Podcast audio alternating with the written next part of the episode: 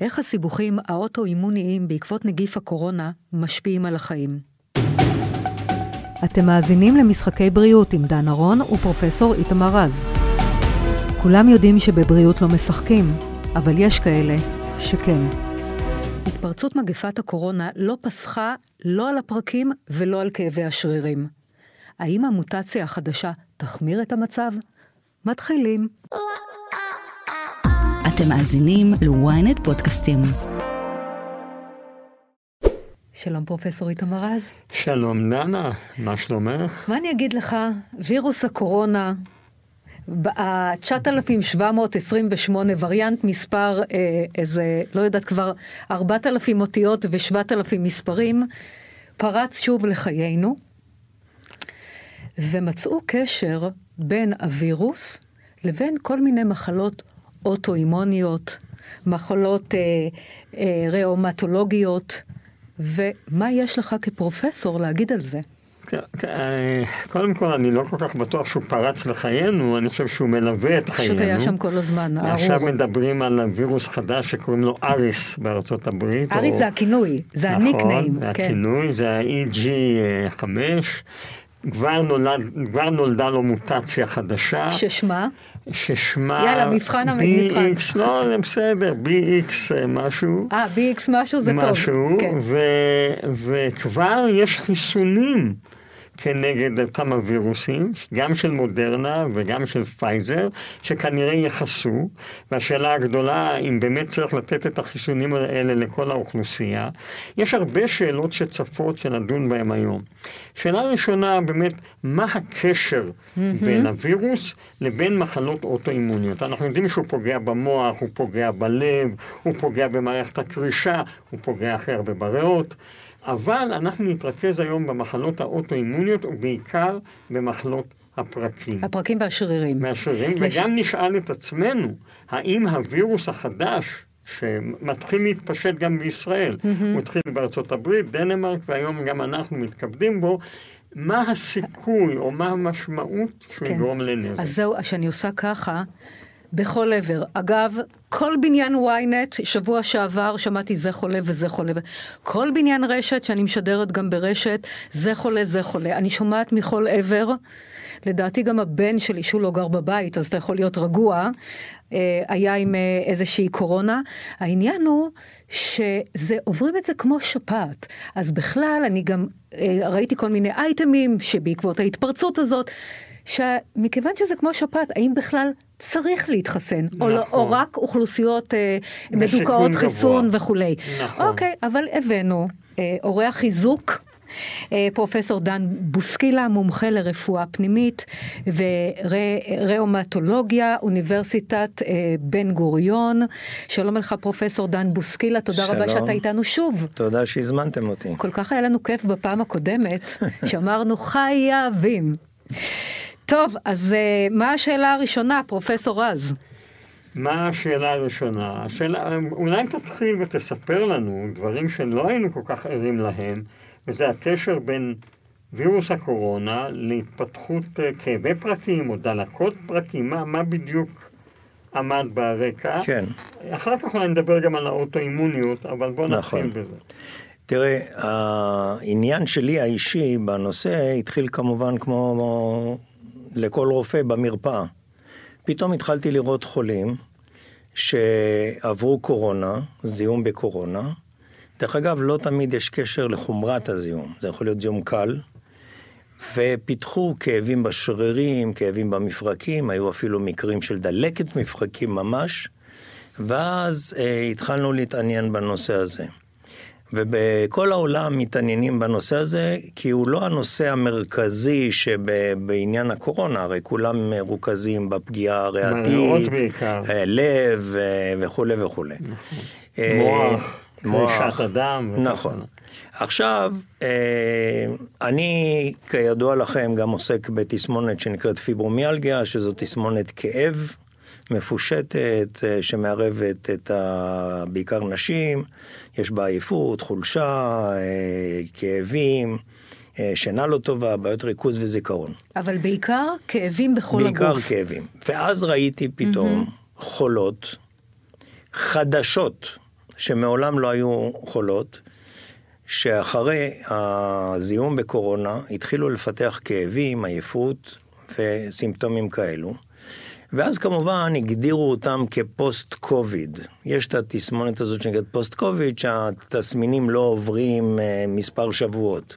לפעמים גם הרבה יותר. ולפעמים יותר. שנה ויותר. אבל כשבדקנו אותם, מסתבר שיש להם פיברומיאלגיה.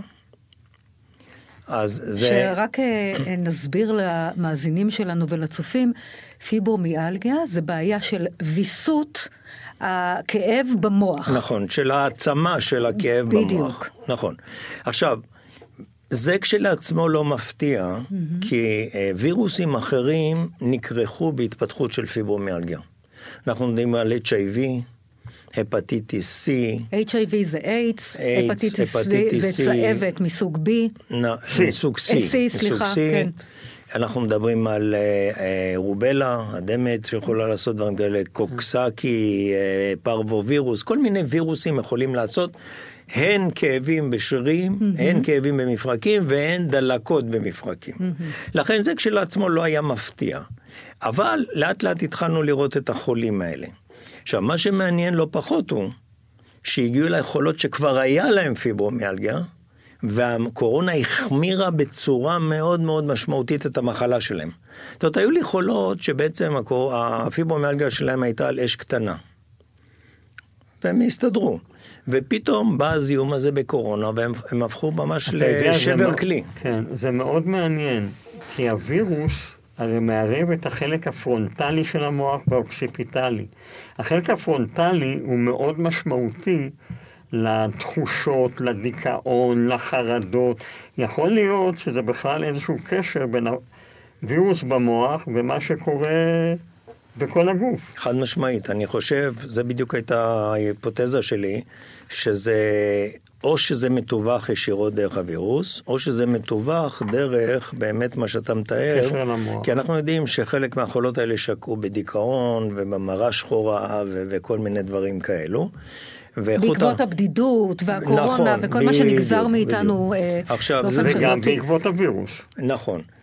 גם הווירוס כשלעצמו, שהוא יושב בחלק, הפרונ... בחלק כן. הקדמי, יכול לגרום לחרדות, לדיכאון. לטריגר לכך. לחרדות עכשיו, למה- ודיכאון למה אני וכולי, חושב- ואז זה מתפרץ, זה למה מה אני שאתה אומר. חושב שפרופסור כן, צודק? כן. כי י- י- היו לי המון חולות פיברומיאלגיה שלא חלו בקורונה, וגם המחלה שלהם החמירה בתקופת הקורונה. Mm. בגלל חרדות, בגלל בדידות, בגלל אה, כל הסיפור הזה. כן. זאת אומרת, אז אה, אני צודקת. זה מה שהתכוונת, וגם פרופסור רז צודק, נכון. שבעקבות הקורונה זה הגביר חרדות, ואני טוענת שגם ללא הקורונה, הבדידות וזה, זה גם הגביר חרדות. נכון. שלא- נכון, נכון. לא, חידשתי עכשיו, שגם אני בכל צודקת. מקרה, אה, אנחנו התעניינו בנושא הזה ועשינו עבודה בתל השומר ביחד עם אה, חברי פרופסור עמיטל, ומצאנו שכ-15% מכלל חולי פוסט אה, שעברו זיהום בקורונה פיתחו פיברומיאלגיה. עכשיו תזכרו ש-15% זה פי חמש מאשר השכיחות באוכלוסייה הכללית. ברור. אנחנו מדברים על אה, זה. שאגב, גם פה רובן נשים, אה, או לא? לא, דווקא פה זה לא היה, זה היה כאילו חצי חצי כזה, זה מעניין כן. הדבר הזה. אה, ואז אה, התעניינו גם ב... אה, מי זה האנשים האלה, והסתבר באמת שאחד הדברים שהכי אה, גרמו למצוקה שלהם היו בעיות אה, נפשיות. והכוחות שהם מביאים להתמודד עם המחלה. וואו, מדהים. זה, זה מעניין. אז לא סתם אומרים שגו, ש, שגוף ונפש קשורים זה לזה. כן, היום לגמרי. אנחנו, היום אנחנו כן. בעבודות אה, שאנחנו עושים, אנחנו תמיד מודדים אה, איזשהו מדד שנקרא רזיליאנס, שזה איזשהו, הכוחות שהחולה מביא כדי להתמודד עם המחלה שלו, זה דבר שבהתחלה נשמע כאילו הזוי, אבל, אבל זה זה מבוסס. הדבר. זה זה הדבר. הדבר, ובגלל זה אני רוצה להדגיש מה שאתה אמרת, פרופסור בוסקילה, שהקשר רופא-מטופל יכול, אם הוא קשר מעצים, אם אתה תומך במטופל ומסביר למטופל ומעצים אותו ונותן לו תקווה, זה יכול להיות עד 80% מההבראה, כמעט בכל מחלה. נכון, נכון. המנטליות החזקה. יש- שאותו- יש, או אה, יש האמונה עבודה- ב- בוודאות מוחלטת שאני אצא מזה. נכון. לא רק שתצא, גם אם לא תצא, אבל שקיבלת הסבר אה, ש... תראי. לא, אני- גם אם אתה לא תצא, יכול להוריד מטה. לא, לא, אבל אני, אני מתחבר למשהו אחר. אוקיי. אי ודאות זה דבר נורא לחולה. נכון. נכון. אי ודאות. עכשיו, הרבה פעמים חולים באים אליי ואני אומר להם, תראו, יש לכם דלקת מפרקים. איך קוראים לזה? כרגע אני עוד לא יכול לקרוא לזה, כי אין עוד מספיק סימנים, אבל מה זה משנה? אני אומר להם, ממילא הטיפול הוא אותו טיפול. זה לא מספק אותם, הם רוצים שם. עכשיו, ברגע שחולה פיברומיאלגיה נכנס אליך, בלי קשר עכשיו עם קורונה, נכנס אליך, ועוד לא עשית כלום, הוא רק יצא עם האבחנה, הוא כבר מרגיש 50 אחוז הקלה. ברור. כי אי ודאות כי נורא יודעים מה קשה. יש לו, יודעים ולכן בדיוק. יטפלו, ברור. אי ודאות היא נורא קשה. נכון. עכשיו, עניין אותנו גם למשל, האם חולה קורונה, אה, האם חולה פיברומיאלגיה זה חושף אותם לתמותה בעקבות קורונה. ומסתבר שלא. זאת אומרת, זאת לא מחלה אוטואימונית או מחלה זאת. וגם לא, אה, וגורמי התמותה שהיו אצל החולים האלה היו גורמי התמותה הקלאסיים. השמנת יתר, יתר לחץ דם, לא מחלות הייתה ריאות. יותר אובדנות? אה, לא, לא שמצאנו. זה בוא מעניין. זאת שאלה נדבר- באמת מעניינת. לא מצאנו את זה, אבל יכול להיות שלא חיפשנו בצורה מאוד אה, ממוקדת. אפשר לעבור אה, לחלק השני בכל אה, עניין וירוס הקורונה, מחלות אוטואימוניות. מה אז זהו. הטריגר בקורונה שזה אה, גורם אז להתפרצות? תראי, אנחנו התחלנו לראות שיש דלקת מפרקים, אה, והתחלנו לאסוף ספרות, ובספרות יש אה, המון דיווחים על אה, דלקות מפרקים, למשל רומטואיד ארטריטיס, שזה דלקת מפרקים שיגרונתית, זה נקרא. לופוס, שזה מחלה אוטואימונית. וסקוליטיס, שזה דלקת של כלי דם. אה, מיאלגיה, שזה כאבים ש- שריריים מאוד אה, שכיחים בקורונה, זה 50, 40 אחוז מהמקרים. ארטרלגיות מאוד שכיחות. אה, ככה שהווירוס הזה, הוא, הוא יודע לעשות דברים במערכת הזאת, הארומטית, אה, כמו וירוסים אחרים. אני רק רוצה לה, להשחיל פה משהו למאזינים שלנו שאולי לא יודעים, אבל מחלות אוטואימוניות זה שהגוף תוקף את עצמו. אז יש איזשהו טריגר שהגוף תוקף את עצמו, ולכן נכון. הוא גורם לאזורים דלקתיים וכולי. נכון. כן, עכשיו, אבל אני, אני רוצה להדגיש משהו. אלא אם כן אתה רוצה להרחיב בעניין, אני לא יודע מה פרופסור. קורה כן. בפרקים, אבל אחד הדברים הוא שהווירוס, וירוס הקורונה, יש, אוהב להתלבש על הקולטן, למשל במוח, למשל בתאי הלבלב, ולכן רואים הרבה יותר סוכרת כתוצאה מווירוס הקורונה, אימונית וגם לא אימונית. אוקיי? כן. עכשיו, השאלה, וירוס הקורונה גם מעלה מאוד את קרישיות הדם. נכון. השאלה, האם יש איזשהו קשר בין העלאת קרישיות הדם, בין תהליכים של וסקוליטיס, של דלקת של כלי הדם, לבין ההופעה של מה שקורה בפרקים, או שאין לנו תשובה? אה, אני קודם אענה על הנושא הקודם. אה, מסתבר שב... שבקורונה, בזיהום בקורונה, יש שכיחות גדולה יותר של נוגדנים שנקראים נוגדנים אנטי-פוספוליפידים. הנוגדנים האלה... הם מעלים את הם הקרישה. מעלים את הקרישה, ויש הרבה חולים שיש להם גם טרומבוזיס. טרומבוזיס זה... פקקת, פקקת של הזה. זאת אומרת, דם. בהחלט, קרישי בהחלט, דם שיכולים לגרום לאירוע לבבי או. אירוע מוחי. ולשבץ נכון. מוחי. אז. בהחלט זה נכון. עכשיו, מה שאבל מעניין הוא, אני לא יודע אם אתה התכוונת לאותו אה, רצפטור. אתה מתכוון ל-ACE2? כן, זה- אוקיי. קולטן. אומרים. אנגיוטנזין אה, כן. 2. נכון. עכשיו, האנגיוטנזין 2 זה נורא מעניין. הוא נמצא בכל הגוף, בתפזורת. נכון. אבל איפה הוא גם נמצא? הוא נמצא למשל בסינוביה. מה זה סינוביה? זה הרקמה שמצפה מבפנים את המפרק. אז זה רקמה שבתוכה יש נוזל, היא- שלא יהיה חיכוך במפרק. עכשיו, גם. הוא נמצא גם באנדוטל. אנדוטל זה החלק הפנימי של החלק כלי הפנימי. של כלי הדם.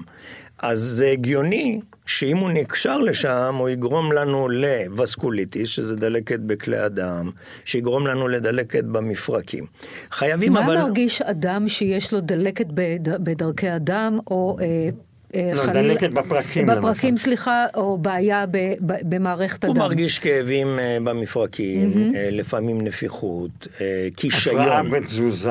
קישי, נכון, קישיון, קישיון זה אחד ה... שהוא מרגיש בבוקר נוקשה, זה אחד הסימנים לדלקת.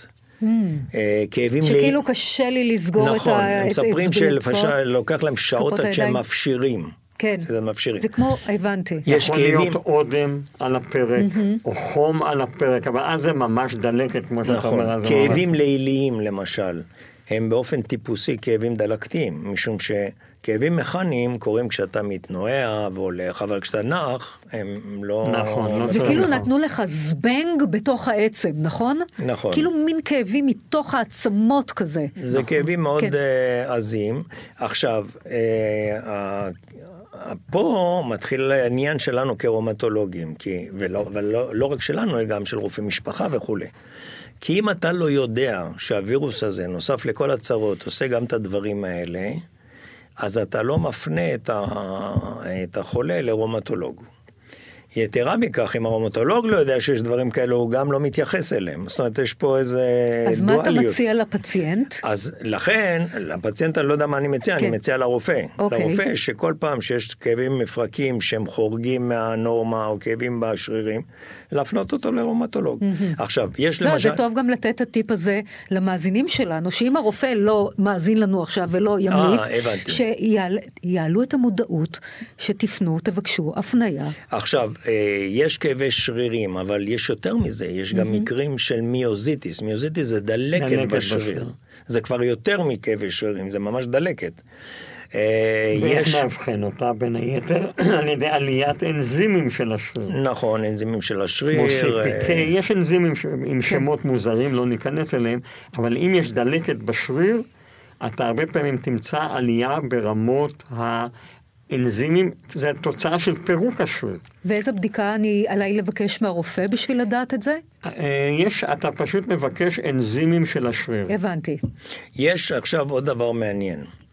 הווירוס הזה הוא הרי מעורר את המערכת החיסונית וגורם לאיזה סערה שמה.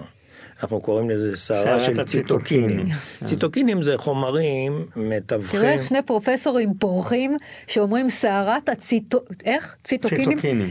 סערת הצי... צי- מה שקורה, רגע, סערת ה... ציטוקינים. נשמע- ציטוקינים. זה לא נשמע שניהם יפה? ככה. זה לא נשמע אחד יפה, סערת. הציטוקינים? כן. לא, אתם לא ראיתם איזה רגע מומנט היה פה. תסביר. אה, חלק גדול מהמטופלים בקורונה שנפטרו, נפטרו כתוצאה מזה שבפחות או יותר שבוע לאחר התחלת הקורונה, הייתה, היה שינוי דרמטי במערכת ההגנה של הגוף, ומערכת ההגנה של הגוף שולחת, אה, שולחת אה, חלבונים שונים כדי להגן על הגוף. מה שקרה פה, למה קוראים לזה סערה? כמות החלבונים שנשלחו לא הייתה רגילה, אלא הייתה פי עשר מהרגיל, או פי עשרים מהרגיל. והדבר הזה גרם למשבר גדול מאוד ולמוות של חלק מהמטופלים. חלק מהחומרים האלה גם הם מה שאנחנו קוראים מעודדי דלקת, פרו-אינפלמטורי. נכון. ולכן הם, אה, אפשר להבין את זה. עכשיו, מה שקורה הוא שבגלל שמערכת החיסון מאוד מרוגשת, אז יש יצירה של המון המון נוגדנים עצמיים, מה שנקרא אוטו-אנטיבודיס בגוף. עכשיו, תארי לעצמך את הסצנריו הזה. חולה שעבר קורונה, מגיע לחולה, ל- לרופא, והרופא שולח לו כל מיני בדיקות, ופתאום קופצים לו כל מיני נוגדנים. אז הוא מיד אומר לחולה, תשמע, אני חושב שאתה פיתחת לופוס ותרוץ מיד לרומטולוג. עכשיו אני משתף אותך בתחלואי הרפואה הציבורית. Mm-hmm. להגיע לרומטולוג ברפואה ציבורית זה בין שנה לשנה וחצי בערך. וואו. אין מספיק או. שאתה מבריא או שאתה מת. עכשיו, כן. החולה הזה נכנס ל... ל... ל...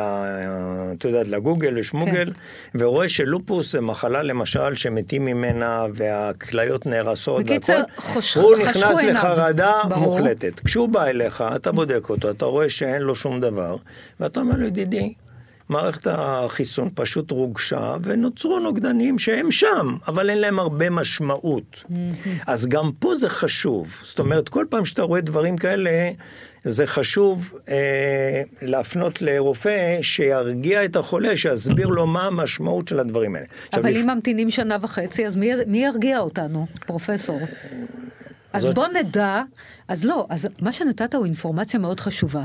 כי בוא אנחנו נדע שגם אם יש לנו את כל הנוגדנים האלה בבדיקות הדם, תירגעו רגע. לא תמיד יש להם לא משמעות. תמיד יש להם משמעות, אכלתם אותה, מה שנקרא. לפעמים כן, אבל לא אני, תמיד. אני רוצה להגיד, כן. המשמעות זה מאוד היא חשוב אחת. מה שאמרת, פרופסור, כן. המשמעות היא אחת.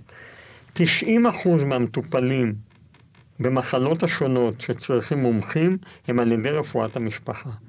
רפואת המשפחה בישראל היא ברמה גבוהה מאוד והיא טובה מאוד. נכון, יש כאלה שהם חותמת גומי, אבל רוב הרופאים הם מצוינים. והמסקנה היא, למשל אם מדברים על פרקים, מה אנחנו יכולים כבר לעשות בפרק מודלק? יש לנו בעצם תוכנית, אותה תוכנית שייתן המומחה הגדול, ניתן גם אנחנו לרוב. ולכן לרוב רופא המשפחה צריך לקחת על עצמו את האחריות, לתת את הטיפול, ואפשר גם לקבוע תור שיתממש או לא יתממש לאורך הזמן. הבנתי. לסיכום, אה, מה הייתם אה, רוצים להגיד? אתה רוצה מספר דברי סיכום לפני שאני מסכם, פרופסור אה, בושקילה? קודם כל, חשוב להדגיש שהמידע שיש לנו כיום על המחלות הרומטולוגיות הוא מידע שבא מתיאורי מקרה ומסדרות קצרות של חולים.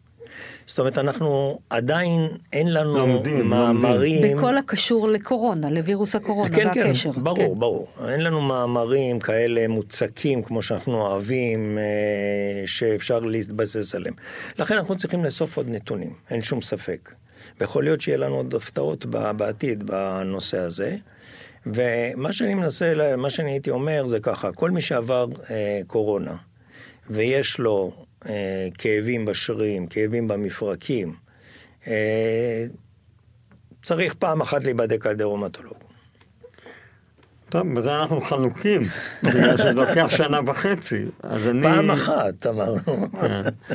אה, אני רוצה לסכם. אתה אומר אבל דרך הרפואה, סליחה פרופסור, הפרטי, אה, הציבורית, אבל בפרטי ניתן להגיע, בפרטית בוודאי. אין בעיה. בבקשה פרופסור. יש. בעיה, כן. שבפרטי ניתן להגיע. אה, בוא, בוא נחשוב על מה קורה היום. דנה, את תיארת מצב שבו מגפת הקורונה מתחילה לחגוג. מצד שני, אנחנו רואים שמשרד הבריאות לא נכנס לאיזשהו לחץ יוצא דופן. הסיבה היא שהאומניקרון בגדול הוא הרבה, הוא, הוא אומנם מתפשט מאוד מהר, אבל הוא הרבה פחות מסוכן ממה שהיו הזנים הראשונים, דלתא והזנים שעוד לפני הדלתא. זה דבר אחד. דבר שני, הסתבר שבמחקר שפורסם ממש בימים אלה, שאם בעבר הקוביד הממושך, כן, חל בשליש מהאנשים, שליש מהאנשים סובלים ממחלות שנמשכות אחרי הקורונה. כן. בין שזה במוח, מעורפלים וכולי. עכשיו, הלונג קוביד, בזנים החדשים, הוא רק בעשרה אחוז, והוא קל הרבה יותר. עוד מסקנה אחת, שעליה אנחנו עדיין לא אולי חלוקים, זה נושא החיסון שאת הזכרת. יהיו עכשיו חיסונים, יש עכשיו חיסונים של מודרנה ושל uh, פייזר, שמכסים גם את המוטציות החדשות שתיארנו, את האריס ואת ה-BX וכנראה גם אחרות. השאלה הגדולה, האם לח- לחסן את כל האוכלוסייה, כן או לא. אני רק רוצה להזכיר שחיסונים יכולים, אפילו חיסוני קורונה, יכולים לפעמים לגרום למחלות קשות. יש מחלה שנקראת גיליה ברה, נדירה מאוד, כן? פגיעה בעצבים. ממש זה, פגיעה זה קשה תואר. בקורונה, דרך כן. אגב. וזה תואר גם בקורונה, שלא- אבל, אבל לא ברור אם זה לא קשור גם לחיסוני הקורונה. מה שכן, זה שישה מתוך מיליון. זאת אומרת, הסיכון הוא מאוד מאוד קטן, כלומר, ולכ... במילים אחרות שאתה אומר, פרופסור, זה מכיוון שכל אה, הווריאנטים של האומיקרון בעצם, נכון? זה נכון. נגזרות של אומיקרון. אה, אה, ל, לרוב האוכלוסייה היא כמו שפעת, בין אם היא קלה או קשה, אבל כמו שפעת. זה כמו שפעת. אז אה, אנחנו לא יודעים אם אנחנו נרוץ, כי גם אם יש סיכוי קטן מאוד של איזה מחלה נדירה, לא ניקח את הסיכון, אז צריך לשקול כמו... טוב טוב, אם אתה לא תחת אה, ההגדרה של מדוכאי חיסון, או אוכלוסיות עם אה, בעיות אה, רפואיות. סיכום כן. מצוין, ורק להגיד שאם יעשו את החיסונים האלה, mm-hmm. וכנראה יעשו, יעשו אותם באותו יום, בצד אחד שפעת ובצד השני קורונה. אוקיי, אז תודה רבה לך פרופסור רז. תודה רבה לך פרופסור בוסקילה, ניפרד גם מהצוות שלנו. תודה רבה למפקח הטכני טל אתחדיה, לבימאי גידי ישראלי, למפיקות קשת מאירוביץ' וניצן כהן, ולעורכת אגר כוכבי. תודה רבה. תודה. תודה שהאזנתם למשחקי בריאות עם דן ארון ופרופסור איתמר רז. מדי שבוע מחכים לכם שני פרקים חדשים בוויינט, ואתם מוזמנים ומוזמנות לעקוב אחרינו ולקבל התראות לפני כולם, בספוטיפיי, באפל ובכל אפליקציות הפודקאסטים. ואם אתם כבר שם, נשמח אם גם תדרגו אותנו. נתראה בפודקאסט הבא.